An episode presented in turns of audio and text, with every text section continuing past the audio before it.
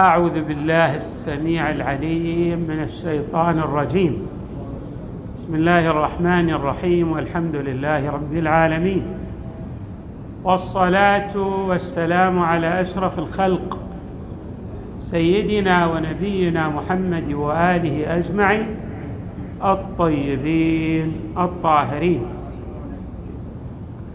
قال الله تعالى في القرآن الكريم إن هذا القرآن يهدي للتي هي أقوم. القرآن الكريم هو أعظم كتاب أنزله الله تعالى. وهو المعجزة الخالدة للمصطفى محمد صلى الله عليه وآله.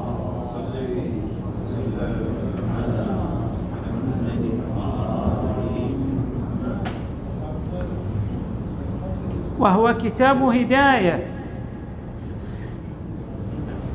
وتوأم في الحجية مع أهل البيت صلوات الله وسلامه عليهم أجمعين. ولهذا فكل إمام من أئمة أهل البيت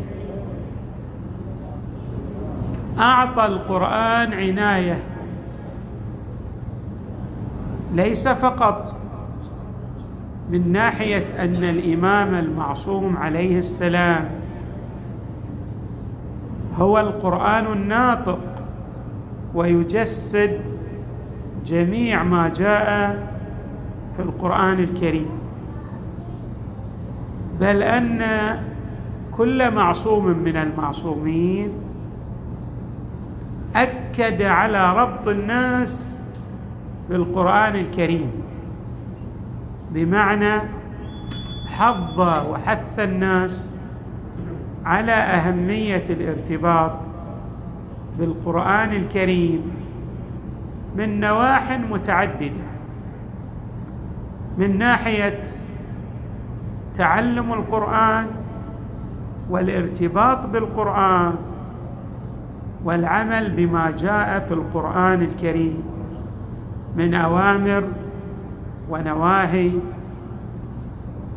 وآداب أخلاقية وقصص وعبر تنعكس ايجابا على حياة من يقوم بهذا القرآن ويتمثل آياته في أقواله وأفعاله وحركاته وسكناته. إمامنا العسكري عليه السلام أولى القرآن عناية من نواح متعددة.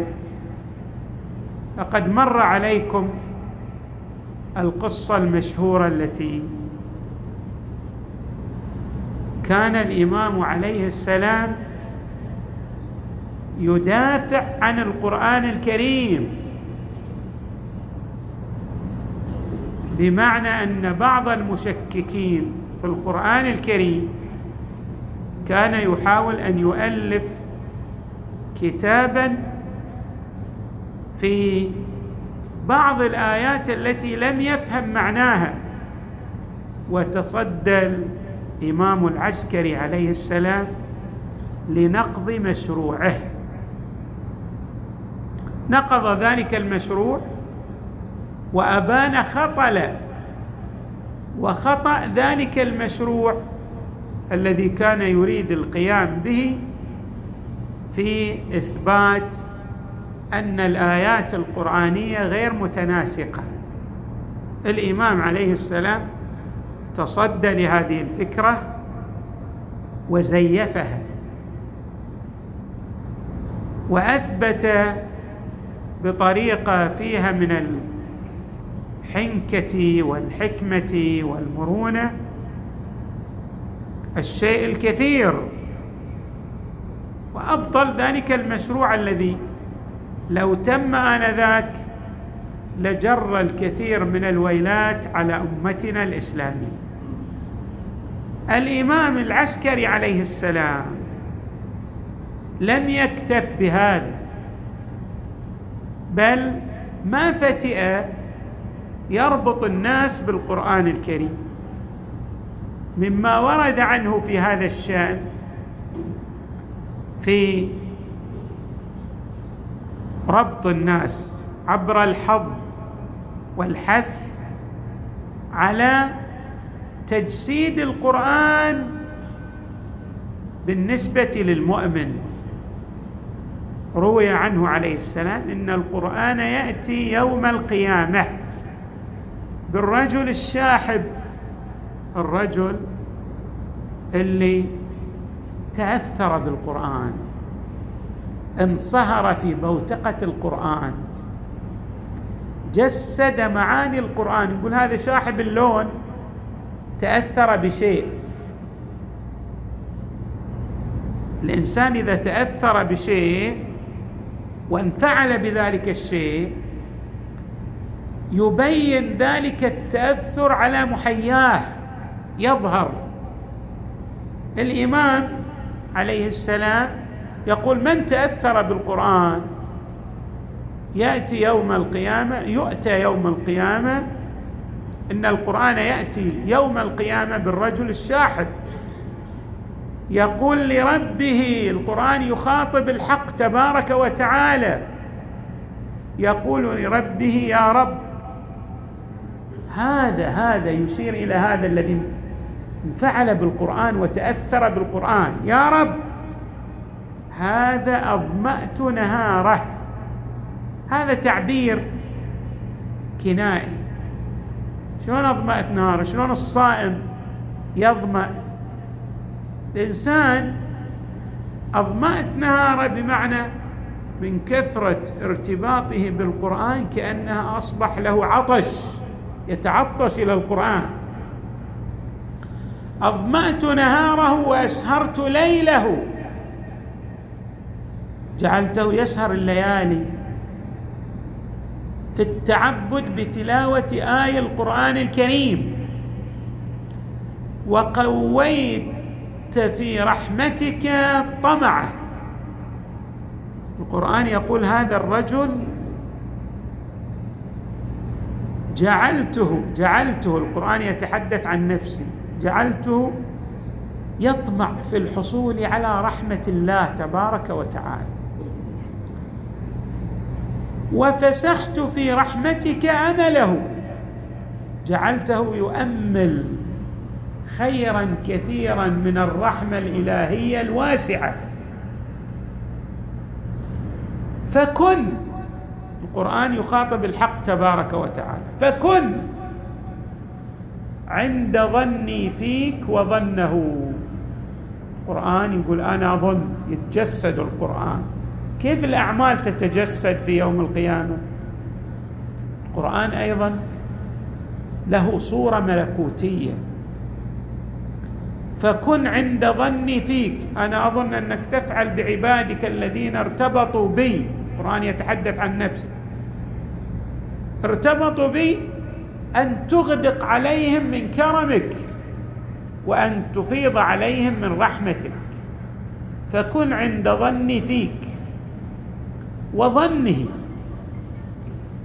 فيقول الله تعالى الله يخاطب القرآن. فيقول الله تعالى لملائكته أعطوا هذا العبد الذي ارتبط بالقرآن أعطوه الملك بيمينه. إيش معنى الملك؟ يعني هناك صكوك الله يعطيها لملكية جنات النعيم. اللهم اعطني كتابي بيميني والخلد في الجنان بيساري وحاسبني حسابا يسيرا. أعطوه الملك بيمينه والخلد بشماله. اجعلوه من الخالدين في جنات النعيم. مع أولئك الذين أنعم الله عليهم من الصالحين. واقرنوه بأزواجه من الحور العين. بعد ما هي العطايا لمن ارتبط بالقرآن؟ واكسوا والديه حلة لا تقوم لها الدنيا بما فيه. أعطوا والدي هذا الشخص الذي ارتبط بالقرآن يعني الخير لا يأتي فقط لمن ارتبط بالقرآن.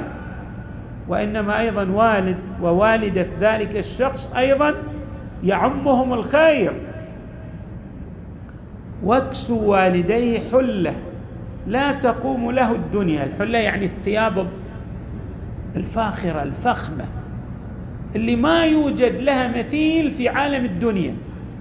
حلة سميها لا تقوم له لا تقوم لها الدنيا بما فيها.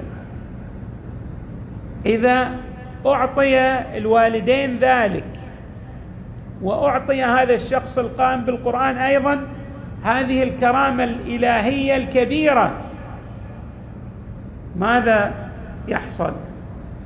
فينظر إليهما الخلائق. ينظر إلى أي شيء؟ إلى ذلك الشخص القائم بالقرآن وإلى والديه. فيعظمونهما. أو ينظر إلى الوالدين الخلائق الأب والأم فيعظمونه. وينظران هذا الوالد والوالدة إلى أنفسهم. فيتعجبان فيعجبان من نظر الخلاق إليهما. فيقولان يا ربنا أن لنا هذه ولم تبلغها أعمالنا. إحنا ما سوينا أعمال نستحق هذه الدرجة العالية. والمرتبة السنية والمقام العظيم. الله تبارك وتعالى يخاطبهما فيقول الله عز وجل ومع هذا أيضا لكما تاج الكرامة لم يرى مثله الراؤون ولم يسمع بمثله السامعون ولا يتفكر في مثله المتفكرون. فيقال أيضا الملائكة تقول لهما هذه العطايا والهبات والمنح والنعم من عند الله لكما أيها الوالدان لماذا؟ بتعليمكما ولدكما القرآن وبتبصيركما إياه بدين الإسلام. أنتم جعلتم هذا الولد صالحا. يرتبط بالقرآن ويسير على وفق منهاج الإسلام. بعد وبرياضتكما إياه على حب محمد رسول الله صلى الله عليه وآله وعلي ولي الله صلوات الله وسلامه عليهما وتفقيهكما إياه بفقههما. لماذا وصلتما أيها الوالدان إلى هذه الدرجة؟ السبب الرئيس يرجع إلى أنكما ربطتم هذا الولد الصالح بالقرآن الكريم وبالإسلام كدين عقيدة ونظام. بعد جعلتم هذا الولد يرتاض. شلون إحنا نقول؟ مارس الرياضة. في شخص مثلا كل يوم يروح مثلا يمارس الرياضة. أي رياضة؟ كرة قدم أي رياضة؟ سباحة ركوب خيل أي رياضة من الرياضات. تشوفه في كل يوم يقضي جزءا كبيرا من وقته في تلك الرياضه هذا اللي أيضا ارتبط بالقرآن وبالإسلام أيضا عنده رياضه. لأن في كل يوم يصرف جزءا من وقته في مجال القرآن وعلومه وفهم آياته والارتباط بالدين والفقاهة في هذا الدين الفقاهة بمعنى الفهم الدقيق في الجنبتين الفقهية والعقدية بل والأخلاقية أيضا. ولديه حب عميق للمصطفى صلى الله عليه وآله وللإمام أمير المؤمنين عليه السلام. وصلوات الله وسلامه عليهما أجمعين. فإذا كان هذا الولد وصل إلى هذه الدرجة من الصلاح بتعليم الأبوين فهذا الولد كما قلنا يتبوأ تلك المرتبة العلية والوالدان أيضا يصلان إلى تلك الدرجة الرفيعة. والمقام السامق عند الله. فهنيئا لمن أخذ بهذا التوجيه الذي ورد عن إمامنا العسكري وسار في هذا المسار بمعنى اهتم بأولاده بذريته ربط هؤلاء الأولاد والبنات. ربطهم ربطهم بماذا؟ بالقرآن ككتاب سماوي أنزله الله على المصطفى صلى الله عليه وآله لهداية البشرية جمعا. وجعل هذا الولد أو تلك البنت يسيران على منهاج الإسلام. وعمق فيهما الحب لمحمد وعلي وآلهما صلوات الله وسلامه عليهم أجمعين. نسأل الله أن يجعلنا مع محمد وعلي وآلهما البررة الميامين في الدنيا والآخرة بحق إمامنا العسكري صلوات الله وسلامه عليه وعلى آبائه وابنه الإمام المهدي. والحمد لله رب العالمين.